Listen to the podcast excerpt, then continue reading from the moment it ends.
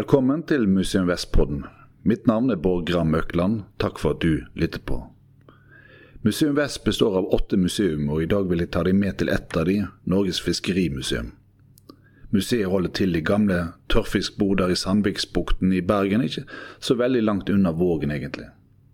Norges fiskerimuseum har utstillinger om bl.a. fiske gjennom historien, selfangst og ressursforvaltning. Men i dag skal vi ikke fokusere på utstillingen i seg selv, men på tørrfiskbodene, som på 1700-1800-tallet var et slags Nordens Venezia. På en måte så er jo selve museumsbygget, altså tørrfiskbodene, utstilling i seg selv.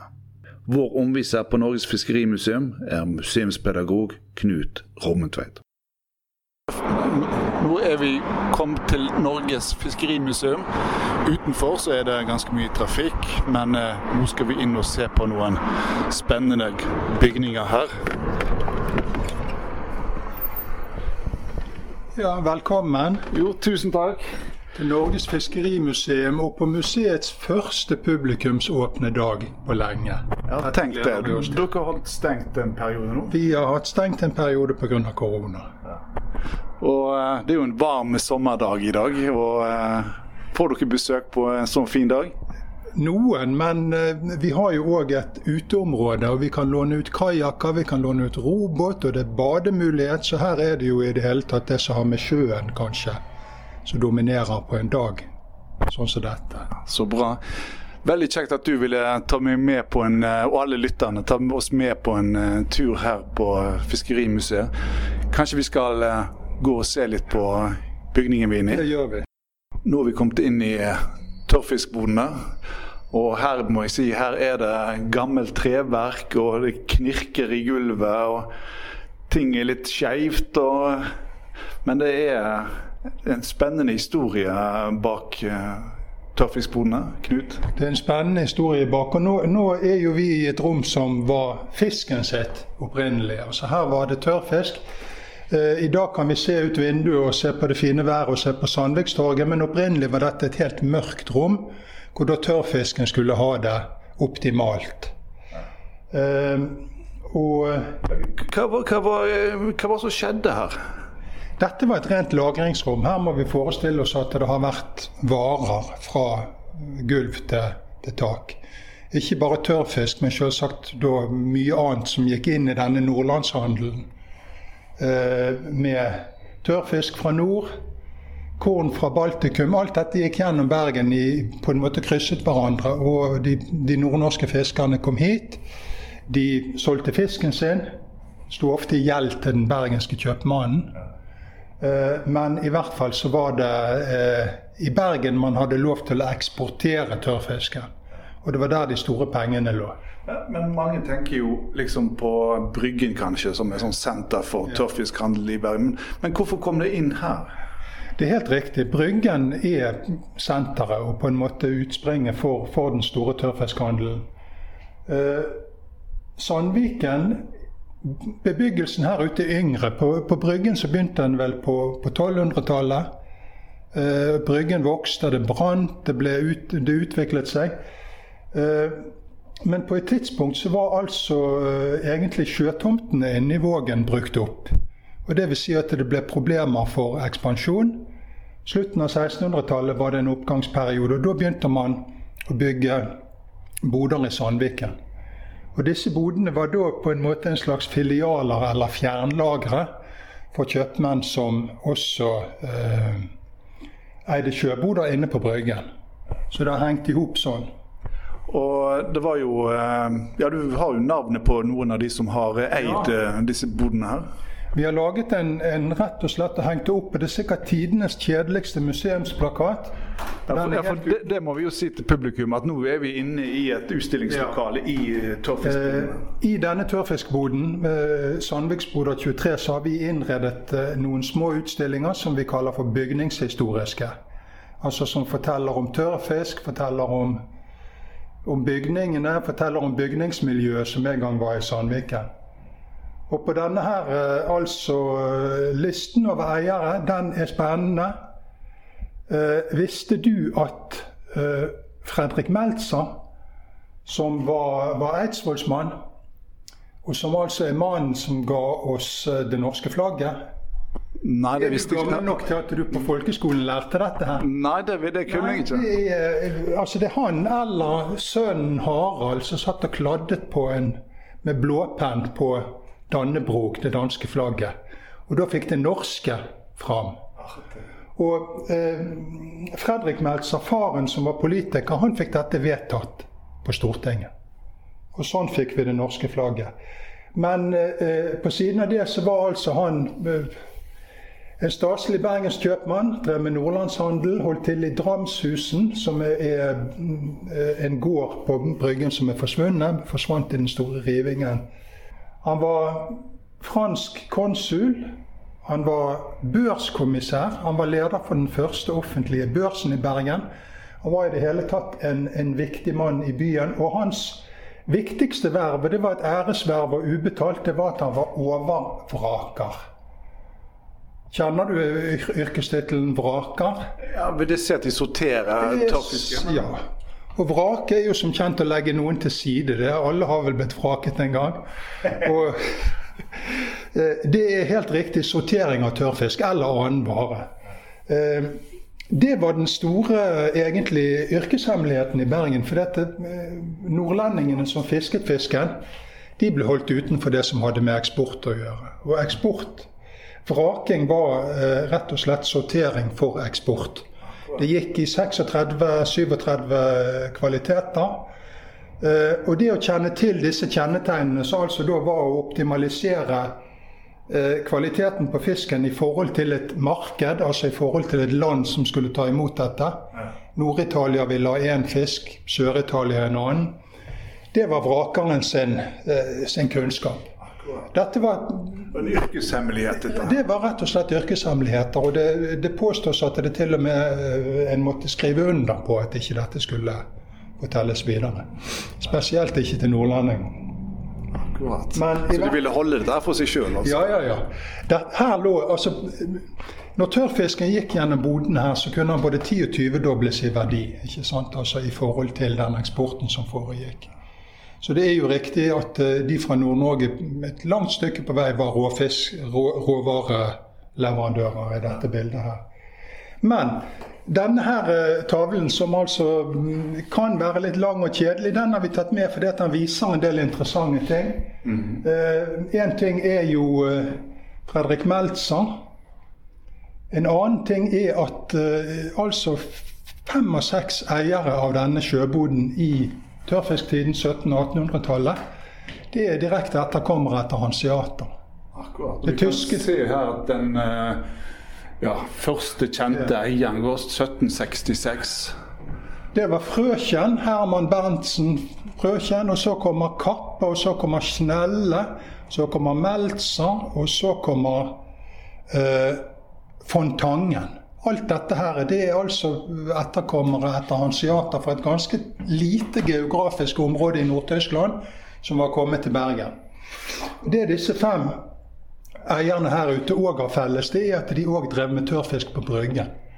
Så det understreker det som jeg sa i sted, at her, det å ha en bod her ute, det var på en måte ekstra. Det var, et, eh, det var de rikeste kjøpmennene som hadde det. Og vi tror jo at, eh, at det å ha bodd i Sandviken, det hadde litt med en slags tanke om brannsikkerhet å gjøre. For på Bryggen så visste en at det nesten regelmessig brant. Og på, strand, og på strandsiden enda mer. Så du sprer risikoen Ja, hvis du deler varelageret ditt, så har du en større mulighet. De hadde jo brannkjeller og sånt til papirer og, verdisaker inne, i- inne i bebyggelsen i byen. Men uh, her ute hadde de sjøboder som det ikke var beboelse i, og som lå ute i sjøen, som vi skal snakke om eh. Så, så det er rett og slett rene lagerbygninger, egentlig? da? Det, dette er rene lagerbygg. Dvs. Si bortsett fra en veldig morsom og, og, og eh, interessant funksjon eller bruk. Det er at midt på sommeren, da sto det pga. hvordan tørrfiskhandelen var innrettet med, med når, når de kom fra Nord-Norge og sånn, så sto bodene her nesten tomme. Da brukte de det som festlokaler. Da kom kjøpmannen med familie. Da rodde de ut fra byen. Gikk inn i bodene. Ungene kunne bade, fiske fra, fra porter og dører. Og de voksne spiste og hadde kurvfest. Eh, med den bakgrunnen så er det òg et fenomen i, i Sandviken som, som, bør nevnes. Det er jo at, eh, at bodene var dekorert innvendig. Med bergmalerier og landskapsmalerier. Det kan vi komme Det, det, må, vi ta en, det må vi ta en ekstra ja. kikk på. Det må du vise litt senere. Ja. I dag så er det jo ikke så mange eh, gamle tørrfiskboder bevart igjen eh, i Bergen, og her i Sandviken spesielt. Men eh, en gang i tiden, hvor vanlig var disse bodene? Vi har jo snakket om Bergen som, som uh, sjøhusbyen. Det var rundt 800, altså på, på slutten av 1800-tallet, tidlig 1900-tall. Uh, rundt 800 av denne typen store lagerhus i strendene i Bergen. Da tar du med Nøstet, og du tar med Vågen og Nordnes. Eh, men det vil altså si at når du, også, når du ser på de gamle byprospektene eh, og, og, og, og, tegninger I Dreyer sine byprospekter fra tidlig på 1800-tallet så har han noen praktfulle, store bilder som viser hvordan det å komme med båt til Bergen. Mm. Og Det var jo på den måten byen ble, ble opplevd. Da er vel egentlig altså sjøhus, store, flotte sjøhus, det er det du ser alle steder. Så det er en del av uh, hele bybildet? Ja, det er virkelig et, et, dominerende, et helt dominerende innslag i, i, i byen. Bryggen hadde brent, bryggen er blitt revet. Eh, der står det vel omtrent en fjerdedel tilbake av det som opprinnelig var. Så det var jo en, en by nesten i byen. Og, og Da tenker du på 1700-tallsbryggen? Ja, ja 17, den som kom i, i 1702. Ja. Eh, I Sandviken var det rundt 200 eh, sjøhus. I dag er det 40 tilbake.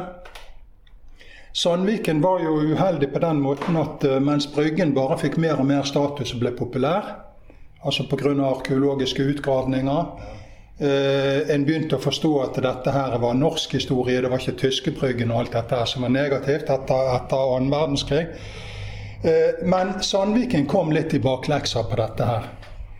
Og uh, i, 1840, i 1946 ble det fattet et rivningsvedtak, altså et vedtak om at hele Sandviken skulle bli industriområde og, og industrihavn. Og Da var det meningen at tørrfiskbodene skulle vekk? Alt skulle bort.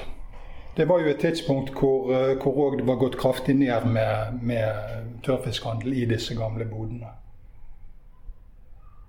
Kanskje du kan fortelle litt om eh, hvordan bygningen har blitt brukt her?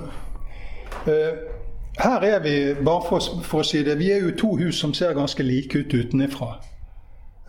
Og som vi vil tenke at det er sjøboder. Det ene som vi viser på en plakat her i, i utstillingen, er et pakkhus Pakkhuset er selve lagerhuset. Det er på en måte grunnenheten.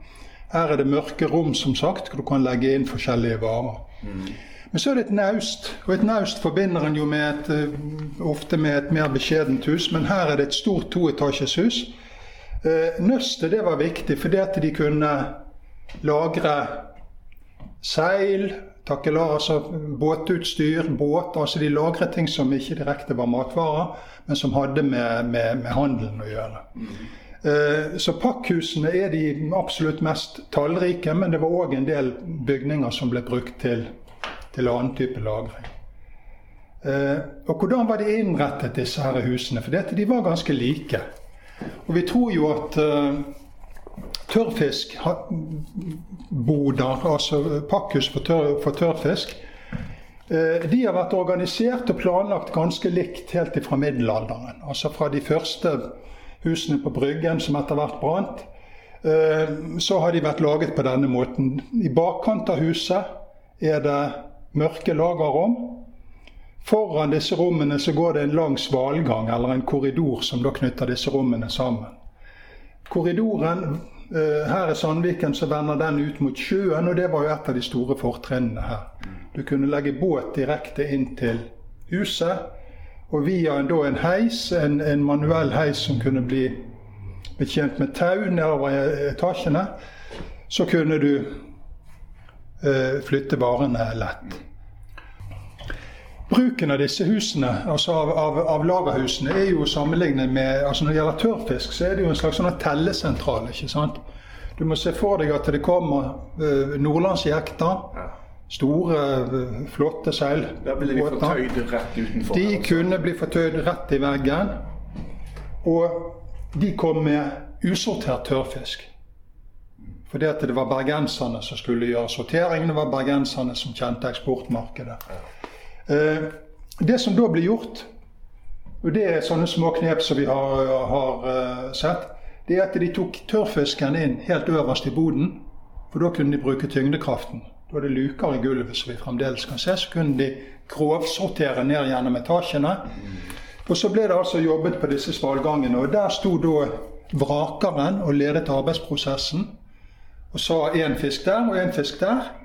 Og så fikk de da sant, en, en denne, sortering. Denne sorteringen, eller vrakingsjobben, jo, sant, var jo en viktig del av var, aktiviteten. Ja. Men, men, men, men hva, hva, gikk det på? Så hva, hva, var det man så etter? Ja. Altså, hvis noe skulle til Italia, noe skulle til Spania, hva, hva så man etter? Det, det, er veldig mye. Det, det er klart altså Nord-Italia skulle ha en kort og rund fisk. Ja, Sør-Italia, Sicilia, der vil de ha en lang og tynn fisk. Det er omtrent så langt jeg tør å gi meg ut på dette her. For det at, uh, jeg skal ikke si det har vært holdt hemmelig for meg, men det er i hvert fall uh, det, det, er klart, altså Det var tre hovedsorteringer, og det er det fremdeles i dag. Prima, sekunder, og vet du hva den tredje het? Det er et litt belastet, men den het Afrika. Nei. Jo. Ja, Fremdeles i dag. Jeg, jeg, går ut fra at det vil bli omskrevet, altså erstattet av noe annet. Eh, den gikk til Nigeria i hovedsak, eh, fra Bergen. Og det var det som man i Norge ville regne som vrakfisk, men i hvert fall så ble den solgt. Og da snakker vi om, Er det sånn 1900-tallet? Da, da snakker du moderne tid. Eh, tilbake på 1700-tallet? Nei, altså det er jo det som er spennende med denne handelskulturen i Bergen, det er jo at det er en kunnskap om tørrfisk har bygget seg opp gjennom flere hundre år. ikke sant? Derfor òg en veldig konservativ eh, handelskultur. Altså De gjør ting på samme måten som før. Men eh, det, det, har jo helt tydelig eksistert en kunnskap om hvordan en kunne få prisen høyest mulig. Hvilke, hvilke kvalitetskriterier som ga så disse personene som du har nevnt her tidligere, sånn som mm. Tangen og Meltzer og, og, og altså de, de, må jo hatt gode kontakter da, ja. mot, uh, mot uh, markedet i middelhavsområdet og kanskje Nord-Europa òg. Ja. Og, og, samtidig må de jo hatt gode kontakter mot uh, fiskerne i nord. Det har de hatt. Fiskerne i nord sto jo i et Fiskerne i nord sto i et slags avhengighetsforhold. Altså Du hadde det som het Nordlandsgjelden. Det vil jo si at var det et dårlig år med fiske, så ville de fremdeles få det de trengte hos den bergenske kjøpmannen. Akkurat. Og da, da, var det både mat, korn Både mat, korn og, og, og, egentlig de kunne handle som vanlig, men det ble jo skrevet som gjeld. Så gjelden bare økte? Ja. Gjelden bare økte. Eh, Nordlandsgjelden var et omsettelig verdipapir. Dvs. Si at en bergensk kjøpmann kunne selge det til en annen. Så på en måte så var det der et sånt som man, som man aldri kom seg ut av. Eh, du blir jo nesten en leiglending på en måte, da? eller? Det, har vært mye diskutert, og det var, det var en stund spesielt nordnorske historikere var veldig på å framstille dette som kolonialisme. Eh, det er jo òg kommet ut mer nyanserte eh, artikler om dette her. Det at det det sikret jo nordnorske fiskeren en, en kontinuitet. Altså det holdt seg innenfor. Du, du, du, du sultet ikke hvis det var et svart år i fiske.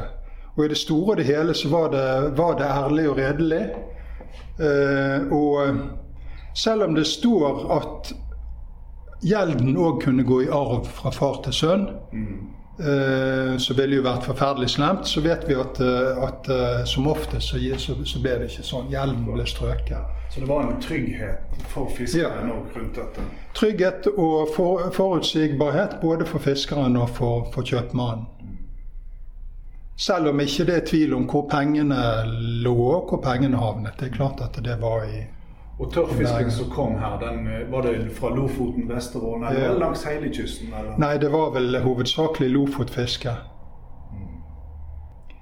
Nei, så Det praktiske med disse byggene de, Det er en byggeskikk som altså har holdt seg gjennom 500-600 år, hvis du går tilbake til de første sjøbodene.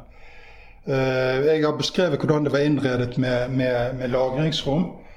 Eh, sjøboden hadde òg en ganske fast sånn skjema hvordan etasjene Nederst, selvsagt, i, i, første etasje, hvor du var ned mot sjøen og mot bolverket under bygget. Der oppbevarte de de såkalte våtevarene. Hva var det for noe? Det var tran, det var sild, det var rogn. Det var alt som hadde avrenning, og som på en måte da selvsagt ikke burde stå over tørrfisken, men som sto nederst. Derfor så er det òg sånn at uh, salteimen i første etasje hos oss i denne sjøboden er kraftigere enn den er her oppe, som vi står i et uh, ja, så, så, du kjenner, ja, du kjenner saltet enda? Ja, jeg, jeg, liker å tro det, i hvert fall. Det på en god dag. uh, på loftet også, altså, Bygningene var vanligvis tre etasjer høye med et stort loft. Uinnredet loft. På loftet så oppbevarte man korn, for det var det erfaring for at det var den beste lagringsplassen for det. Litt mer luftig. Eh, men selve disse bodene eller lagerrommene som man hadde tørrfisk i, det var altså tette, mørke rom. Mm. Det er fascinerende måten du beskriver det på. At her har du på en måte i ulike nivåer med ulike ja. varer. og forstår, altså Du går jo som du sier langt tilbake i tid. den måten Ja da, det, det, det, er erfaringskunnskap bygd opp over, over 100-årene. Ja, fascinerende. I tillegg er jo disse bodrommene som vi snakker om, da nummerert med en gjennomgående nummerering gjennom hele boden. De har nummer over dørene. Sånn at når du kommer gående her og skal lete etter en spesiell type eller kvalitet tørrfisk, så vil du kunne finne den i rom 12. Akkurat. Så det var den måten man snakket om. Uh, ja da. Alle byer har, i, kystbyer i Norge har jo sjøhusbebyggelse. Og, og vi, vi, skal ikke gå så langt som, som til å si at, det, at den bergenske sjø, sjøhusbebyggelsen er unik. Men du har jo på en måte trekk her. Du har utsmykningene innendørs som vi skal snakke mer om. Du har dette med laft, laftete rom. Når du kommer til Stavanger, så er det òg en stor sjøhusbebyggelse. Den er litt yngre enn disse bodene vi er i her. Men den er bygd i reisverk, som er en mye enklere konstruksjon. Mye mindre materialkrevende, billigere å bygge. Uh, mye mer fleksibel på, på romplanene. Hvorfor gjorde man ikke det i Bergen? Var det bare konservativisme? Nei, sannsynligvis ikke. Altså, eh, Sjøhusene i Stavanger de var beregnet på sild. Sildetønner. Der gjorde det ikke noe om det var kaldt, det gjorde ikke noe om det trakk. Mens altså den bergenske tørrfisken den måtte ha disse her litt Lunt og varmt. Lunt og varmt, og litt innelukket. Ja, akkurat. Så, så det òg er nok uh, ting som har utviklet seg. Så det, det er fascinerende hvordan på en måte varene òg er med å påvirke på en måte arkitekturen. Ja, da, absolutt. Og, og, måten disse husene er satt sammen på, gulver med, med treplugger med litt slingringsrom, så er det nok veldig mye eh, bygningskunnskap. Det, det, altså de, de, er bygd på en måte som både tåler stor vekt ovenfra og ned, men som òg tåler sidepresset som oppstår når du ligger helt i havkanten, sånn som disse, disse husene gjør. Uh, så mm, snekkere og, og, folk som er interessert i, i, tradisjonsarkitektur, er imponert over kvaliteten på, på, på byggene her. Ja, det er jo mye av det originale treverket vi ser rundt oss her nå. Altså det, det, er jo uh, Det er jo svære bjelker ja. med, med med rester etter maling. og Det er god størrelse, tjukkelse, ja, mener jeg, på, det, på, på tømmeret. Det, er, det er bra tømmer. Uh, og Her har vi en plansje som viser litt grann hvordan også prinsippet med lafting. da. Nei, Bergen brant jo som kjent uh, mange ganger, og om igjen og om igjen. Og, og det var en treby. Middelalderbyen var trang og med tak med bare brennbare materialer. Det var never og det var si, mose. Eh, så vi har jo, sånn som i den store bybrannen i 1702, så brant tror jeg 80% av bebyggelsen i Bergen opp. Eh, det denne plansjen forteller, og det er et litt morsomt poeng den forteller om forskjellige eh, laftetyper som kan brukes til å datere bygningene. Da, da får du med dendrokronologien? Ja. Datert. Ja, Dendrokronologien er jo helt sikker, men dette er en slags sånn stilmessig eh, datering. Og Logikken i det er at før 1702-brannen så hadde det vært en langvarig periode uten branner i Bergen. Det hadde tillatt de bergenske lauget, de som drev med, med, med snekring i, i, i, Bergen, til å utvikle en ganske flott byggemetode. Mm. Eh, med store dimensjoner, forseggjorte, ofte ovalteljede eh, laftehoder. Altså i det hele tatt en estetikk og en svung over det ja. som var, eh, var veldig. Ja. Og Så kommer 1702-brannen, og hva gjør en da? Jo, da må en bygge opp igjen. Og Da er det altså et merkbart fall i bygningskvaliteten. Det er et merkbart fall i materialkvaliteten. Og i det hele tatt hvordan en gjør det. En får mye mer av eh, hjelpekonstruksjoner, sånn som det vertikale eh, hjelper. Opplengere. Altså i det hele tatt Det blir en litt mer påvar og litt mindre forseggjort byggemetode. Hva tror du grunnen til det? Er det fordi at det var så brannen i 1702 var så stor og så mye skulle bygges opp? Det var så mye som skulle bygges opp igjen at det rett og slett tok eh, knekken på yrkesstoltheten til, til den bergenske snekker. Det er jo enorme mengder med tømmer som må inn til byen til gjenoppbyggingen. Men hvor, hvor, hvor får man det ifra? Vi, eh, altså Det vi vet, og det, det, som alltid har vært sagt, er jo at det er Osterøy, Nordhordland, eh, som var den store leverandøren av, eh, av bygningsmaterialer til Bergen. Og det, det, vi vet, Her har vi jo på, på plansjen vår et bilde som er eh, Dreier. Prospektmaler Dreier. Det er en bygningsbonde fra Hosanger. Ja, Han står her med hatt og pipe, og ryker pipen, og i hånden du peker på en målestav. målestav ja. Og den andre hånden så holder han en arbeidsøks. En bile. En bile, ja. Og bak ser vi huset som er reist med kranselag og krans. Så han har altså da satt opp et, en bygning. Ja. Så det var folk på Osterøy altså som ja. uh, leverte um, tømmeret? Da er vi òg over på en ting med tømmer, med, med laftekonstruksjon som er fascinerende. Og det er jo at lafte Altså Laftet kan bygges opp, men det kan òg tas fra hverandre igjen. Altså Laftet har nesten en sånn byggesett-kvalitet. At du kan flytte huset til et annet sted? For Gamle hus vil du kunne se nummererte stokker. Og hvorfor nummererte de? Jo, fordi at de en gang hadde tatt det huset fra hverandre. Mm. Det var ikke uvanlig at folk tok med seg huset når de byttet arbeid dro til et annet sted, kanskje ikke så langt ifra, så kunne de plukke det ned og ta det med og bygge det opp igjen. Tror du det er sånn her? Og så er det vi vet, vi, altså vi vet at på så drev de som vinterarbeid. Altså Dette var jo eh, ikke fiskerbonde, men bygningsbonde. Dvs. Si at han hadde jo gården og alt det han holdt på med. Men uh, i tillegg om vinteren så drev han altså i, i skog. Drev med tømring. Eh, vi vet at de rett og slett prefabrikkerte. Vi vet at de bygde opp hus. Eh, demonterte de, la materialene i en haug i stranden eller i nærheten, sånn at de kunne komme til fra, fra sjø. Og Brant det i Bergen, så ble en del av disse byggesettene sendt inn som en sånn førstelinjetjeneste. Det er derfor det står i uh, det i en bygdebok for, for Osterøy at det, det, var et fast uttrykk når det hadde vært en brann inne i Bergen og det kom et øyenvitne hjem til, til Osterøy. Så stimlet folk sammen, og så spurte de han det. Ja, var det ei god svie? Og det er jo um, Ja. Det ene støden, en annen sprø osv. De har sikkert merket røyken. Men i hvert fall så er eh, Tilbake igjen til den eh, laftediskusjonen, datering. Eh, det eldre, veldig sånn storfengte tømmeret og de fine forseggjorte, pyntete laftehodene, det kalles middelalderlaft. Mm.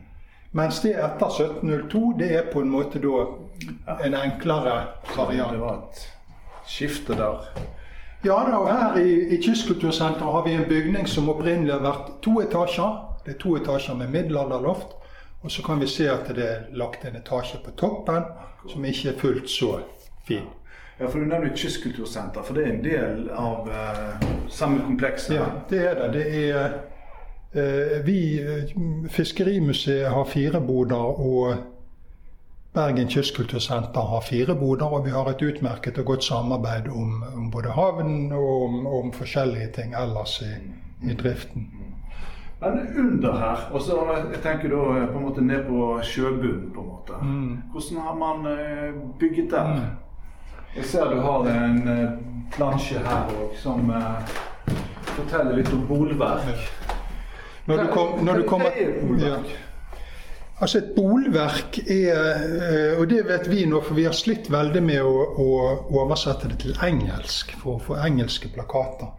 Det er et nokså ukjent altså Ikke et bolverk, men et bolverk er en festning eller et militært anlegg. Og det er klart at I England så brukte de ikke tømmer til det, de brukte heller mur og osv. Men et bolverk er altså lag på lag med tømmer lagt oppå hverandre for å løfte bygningen opp over flodmålet. Sånn at du fikk en øy eller en plattform eller hva det, kall det hva du vil, som du kunne bygge bygge huset opp. Og så ser vi på, fra et foto her at her er det åpent mellom ja. Eh, tømmeret. Sånn her er det sannsynligvis 13-14 lag oppå hverandre. Ja. Dette er et bilde av huset vi er inne i nå. Og eh, når dette ble restaurert i 2014, så var huset sunket såpass mye ned at de måtte eh, til med ekstra bolverk.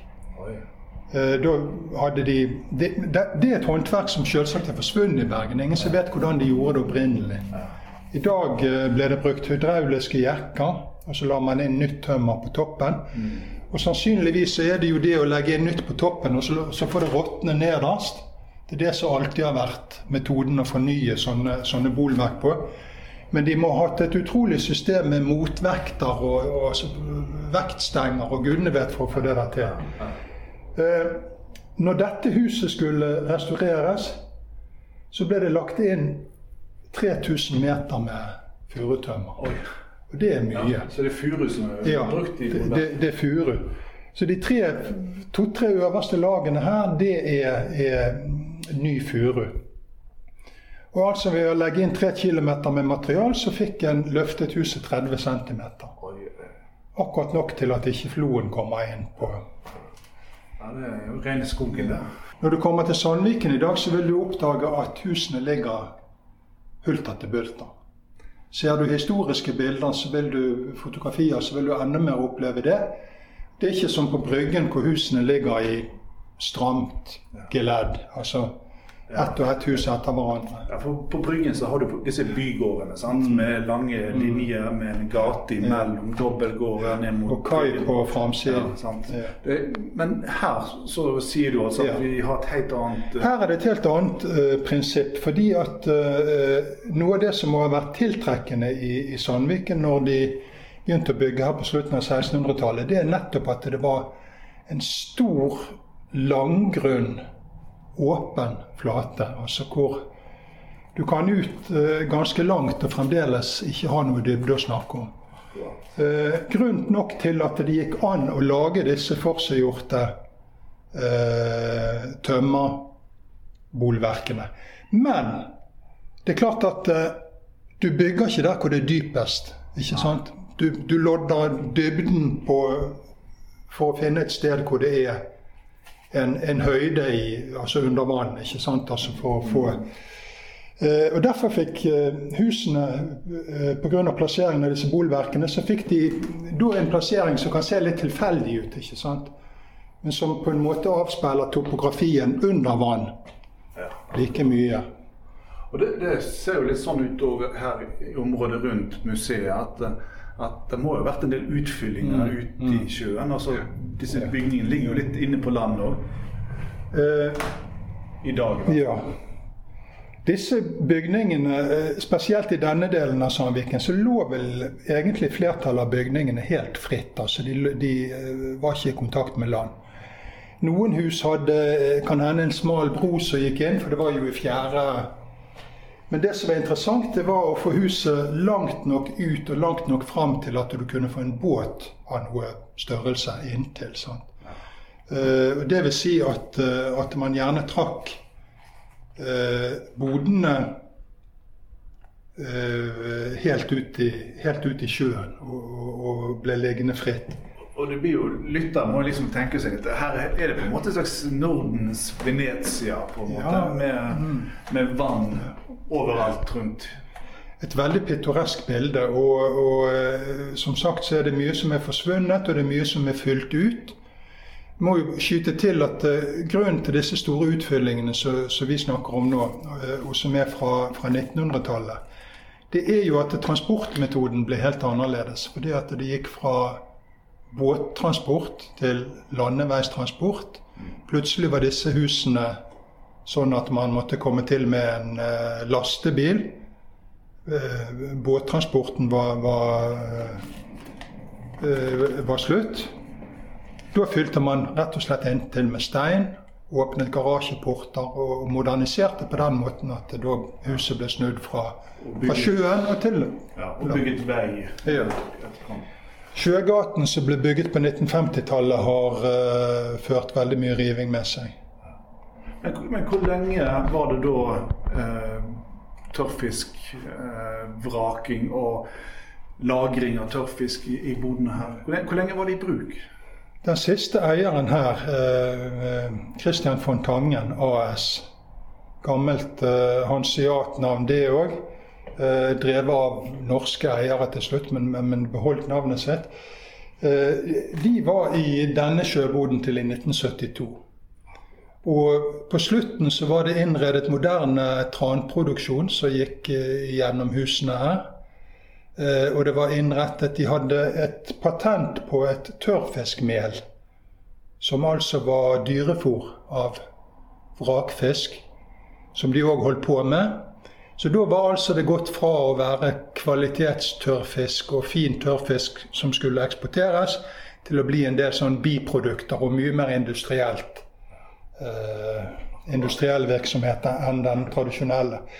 Det er sjøbodene sin skjebnetid. For det, det vil si at nå er, begynner det å bli et sprik mellom funksjonen de var bygget for, og den funksjonen de skal innta. ikke sant? Altså, de blir rett og slett litt sånn umoderne? De blir umoderne. De blir, eh, blir avleggs. Og, og, det en ser, er jo at en begynner å rive veldig mye vegger innendørs for å få større lokaler.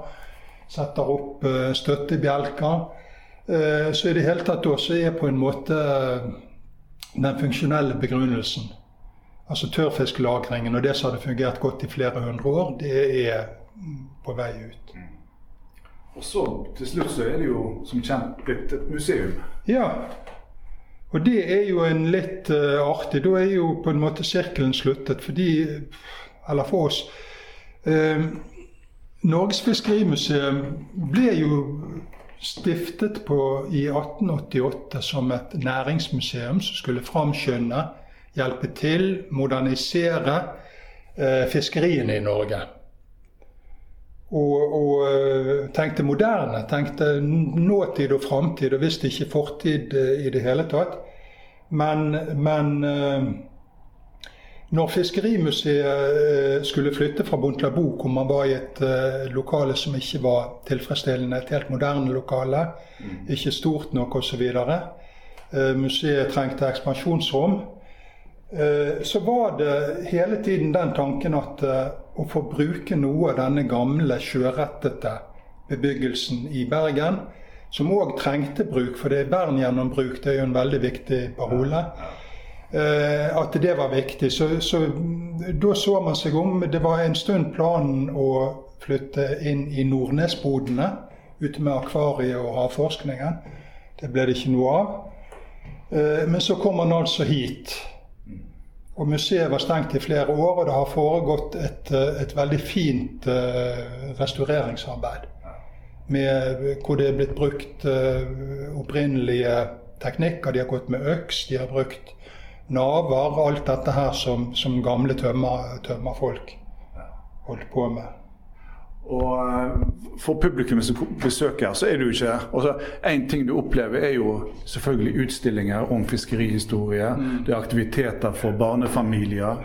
Kajakkpadling bl.a. Og låne robåter. Men, men poenget altså, Selve bygget er jo på en måte en gjenstand i seg sjøl som forteller en viktig historie. Jeg vil jo tenke at uh, disse, disse, bygningene, selv om de ikke formelt er det, de er jo uh, fredet og vernet og alt det som skal til.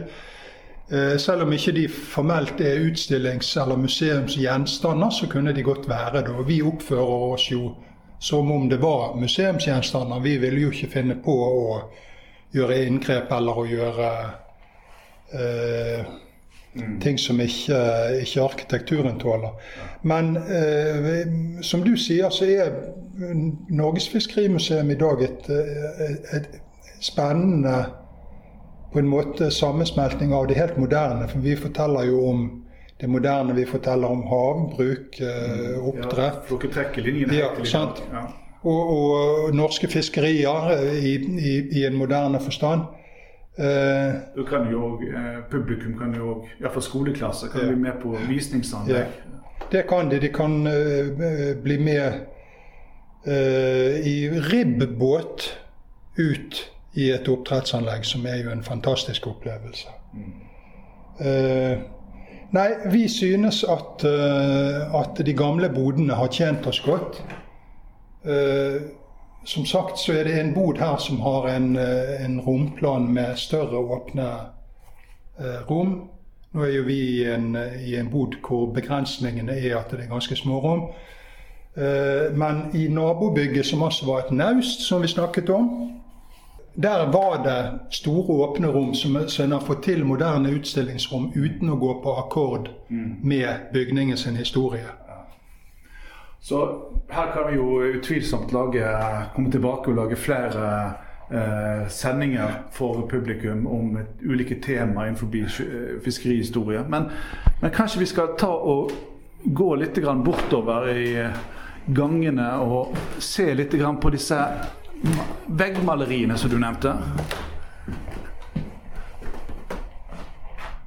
Nå er vi kommet til et rom som er dedikert til veggmalerier. Og som du ser, så er det litt spesielt, for veggmaleriene er eh, ikke lenger synlige på veggene, på de fysiske tømmerveggene. Men vi har heldigvis en visuell dokumentasjon, og det er akvareller som ble laget på 1950-tallet av en bergenskunstner som het Miranda Bøtker, som altså var registrator. Jobbet òg med botanikk og arkeologi og den type ting. Eh, hun fikk i oppdrag å tegne av veggmalerier i Sandviksbodene. Det trodde man i begynnelsen var en sommerjobb. En ganske enkel affære. Eh, det var Vestlandske Kunstindustrimuseum og Det hansiatiske museum. De hadde fått teften i og visste at det var eh, malerier noen steder. Og de sendte ut Miranda Bøtka. Hun ble gående her i to eller tre år. Oi.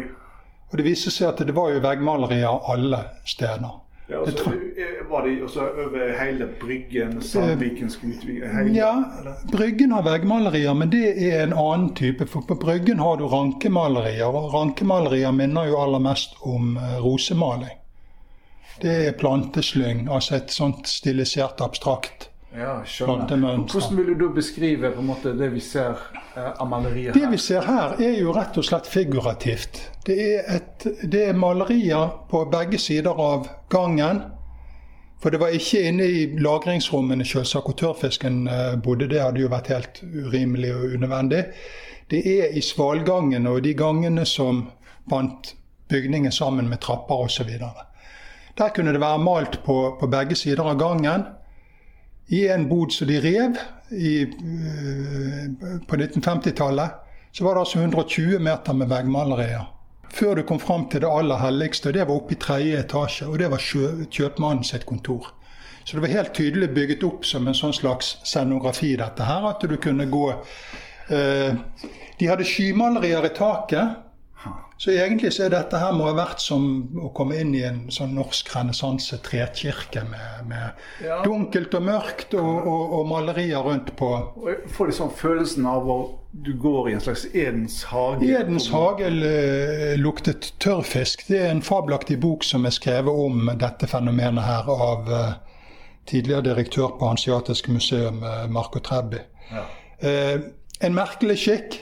Hvorfor gjorde de det? Altså De malte da eh, skoglandskaper. Det var som å være i en hage eller i en park. Det var alle mulige fantasifulle innslag. Det var fugler, det var dyr, det var fantasidyr.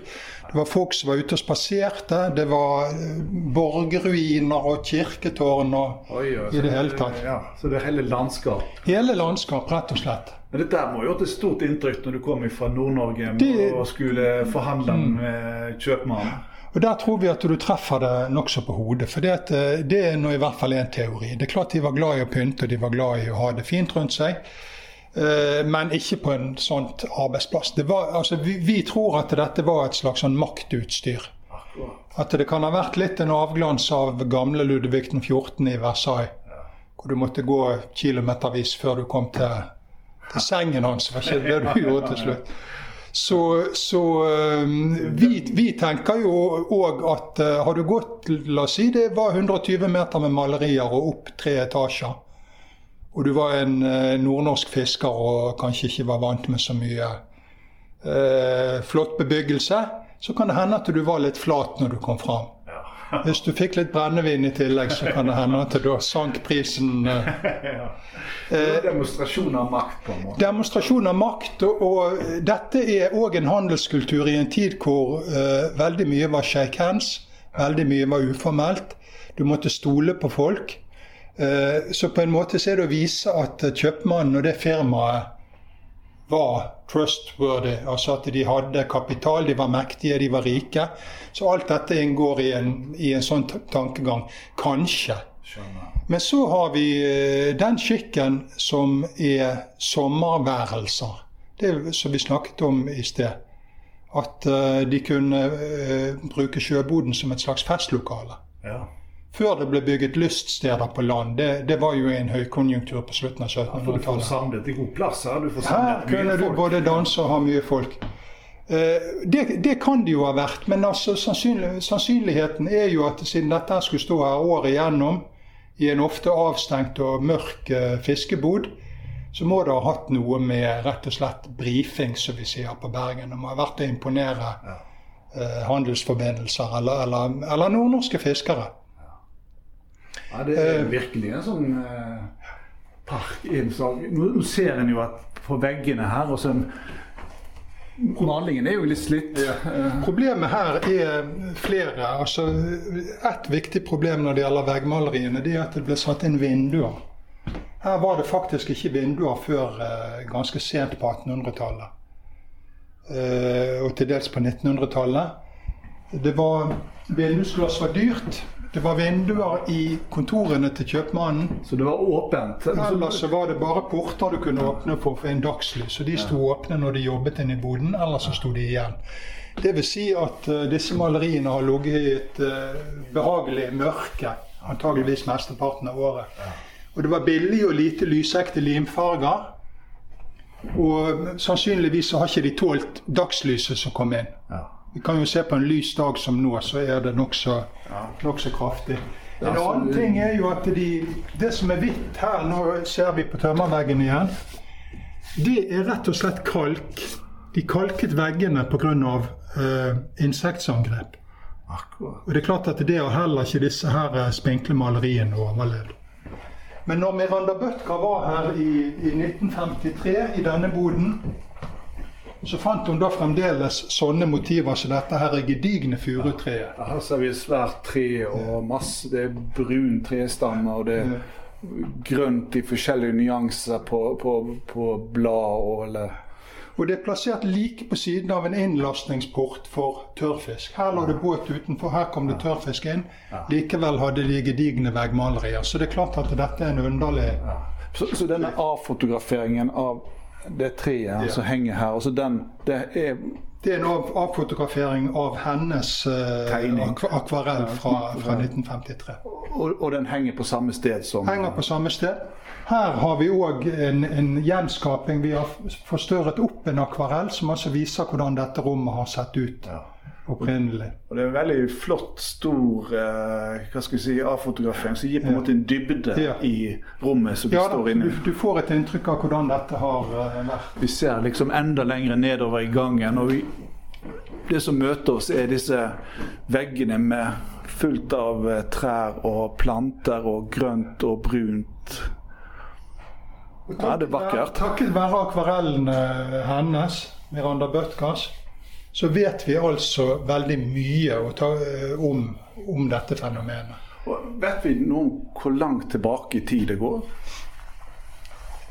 Altså, Bryggen brant i 1702 og ble gjenoppbygget. Eh, da malte en eh, rankemalerier. Det er en eldre type dekorasjon.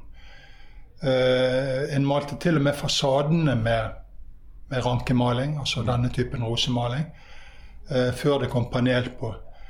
Eh, det var tidlig på 1700-tallet. Dette er nok mer mot slutten av 1700-tallet, vil vi tro. Du begynner å komme over i noe som kan hende er rokokko. altså Det er en annen naturfølelse.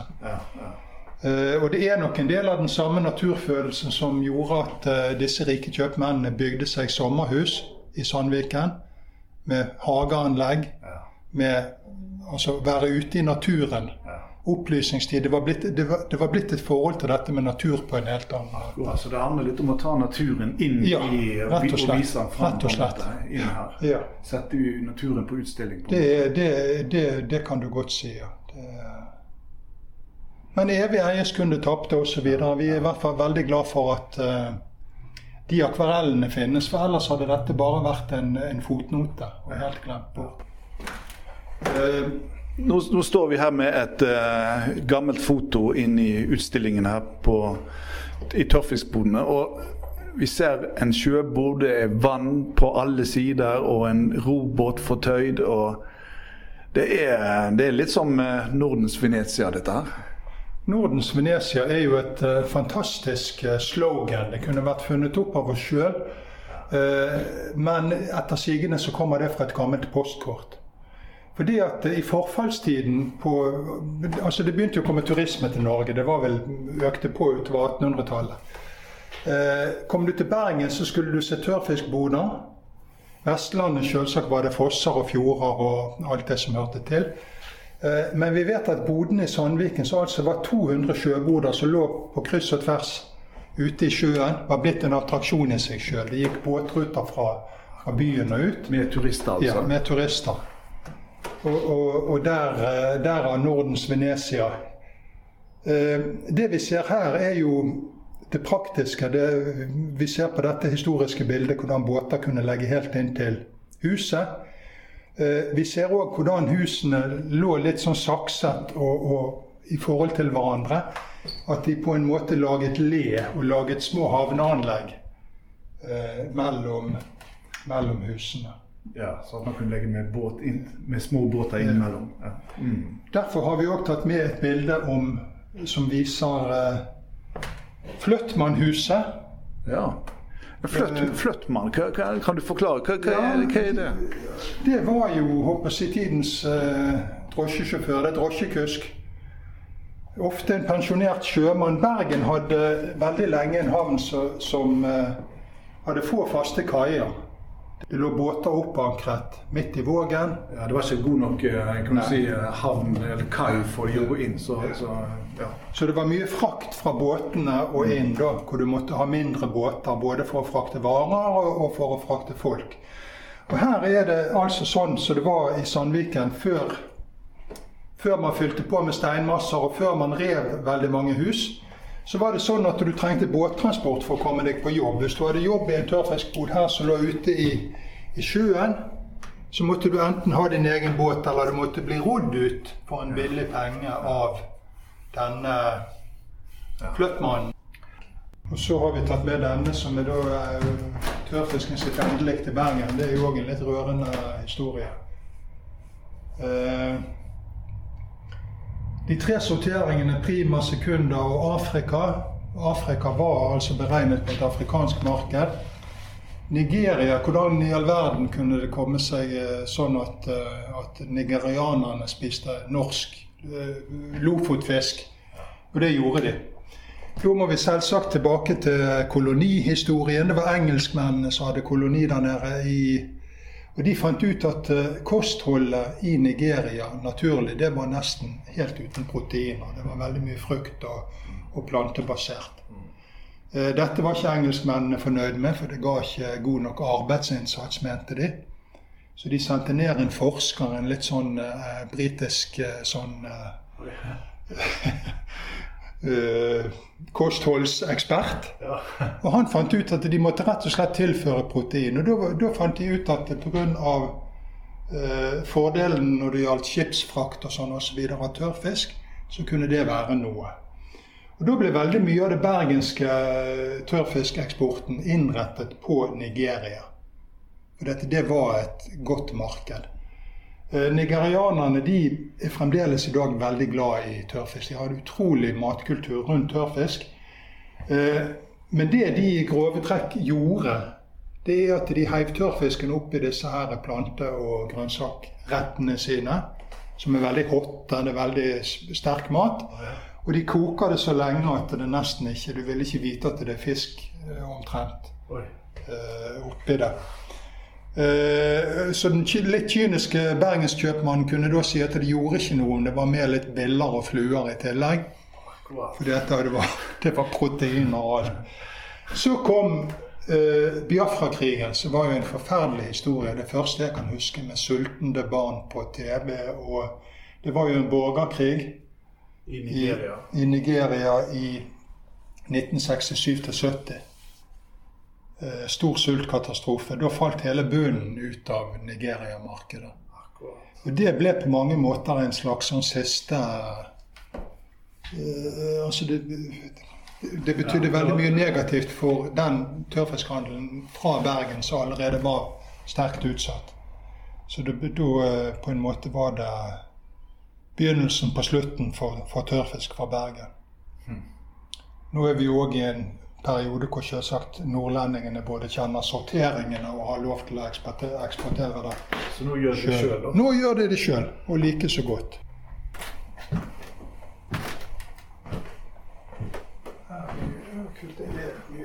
Altså.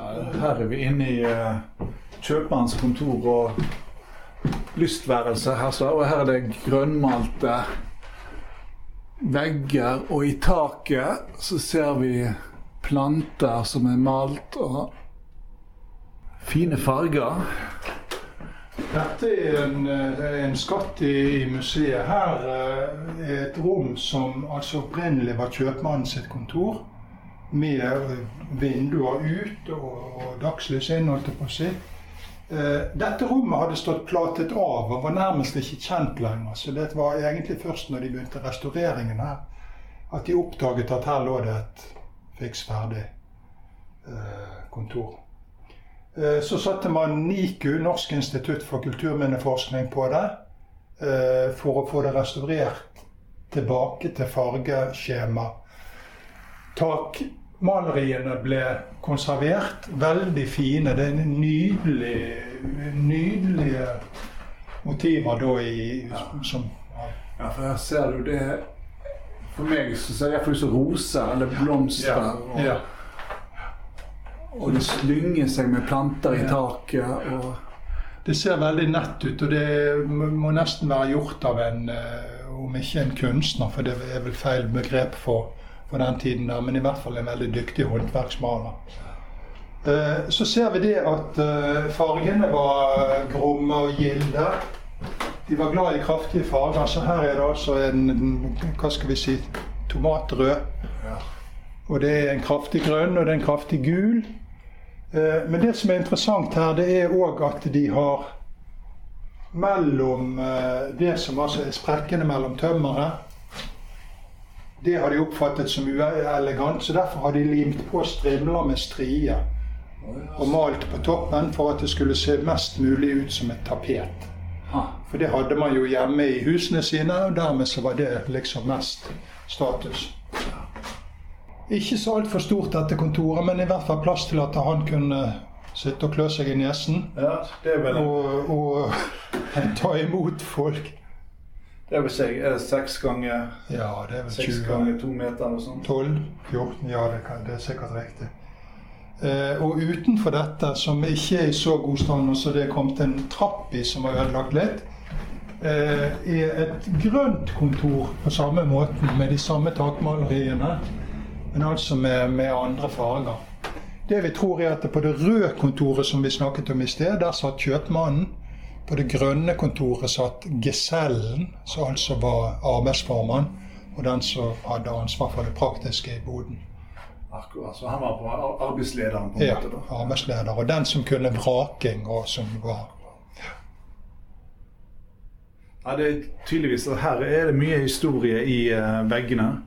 Og det er jo en uh, Ja, vi må jo bare oppfordre alle med interesse for historie til å komme og oppleve bodene og få litt av den stemningen det er her med Det er en, eh, det er en visuell og sanselig opplevelse å gå rundt i sånne gamle trebygg. Og, jeg kan jo fortelle at selv om jeg har vært uh, sikkert eh, mer interessert enn mange andre i dette, så oppdager jeg stadig nye ting. Det er én ting som Miranda Bøtka, som registrerte veggmalerier, dessverre aldri fikk tatt seg av. Det er jo graffiti. Bumerker, innrissing.